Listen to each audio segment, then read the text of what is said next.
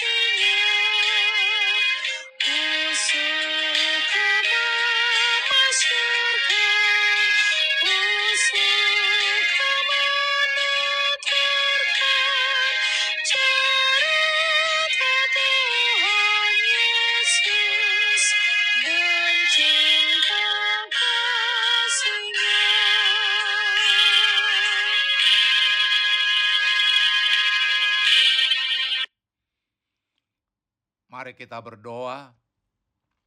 Tuhan, puji-pujian dan ucapan syukur kami naikkan kepadamu di pagi hari ini.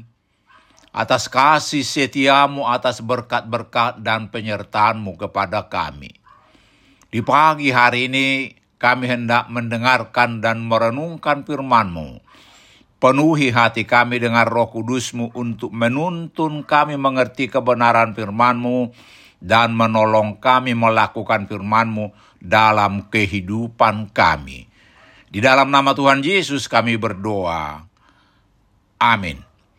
Saudara-saudara yang dikasihi Tuhan Yesus, firman Tuhan untuk kita renungkan di pagi hari ini terambil dari Yesaya 52 ayat 7 dengan tema Allah itu Raja, demikian firman Tuhan.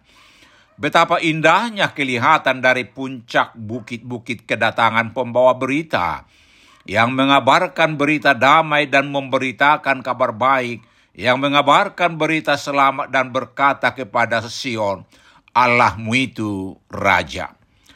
Saudara-saudara yang dikasihi Tuhan Yesus, Nabi Yesaya memakai kata indah untuk menggambarkan kedatangan pembawa berita karena berita yang dibawanya adalah kabar baik, yaitu berita keselamatan untuk mereka ayat 10.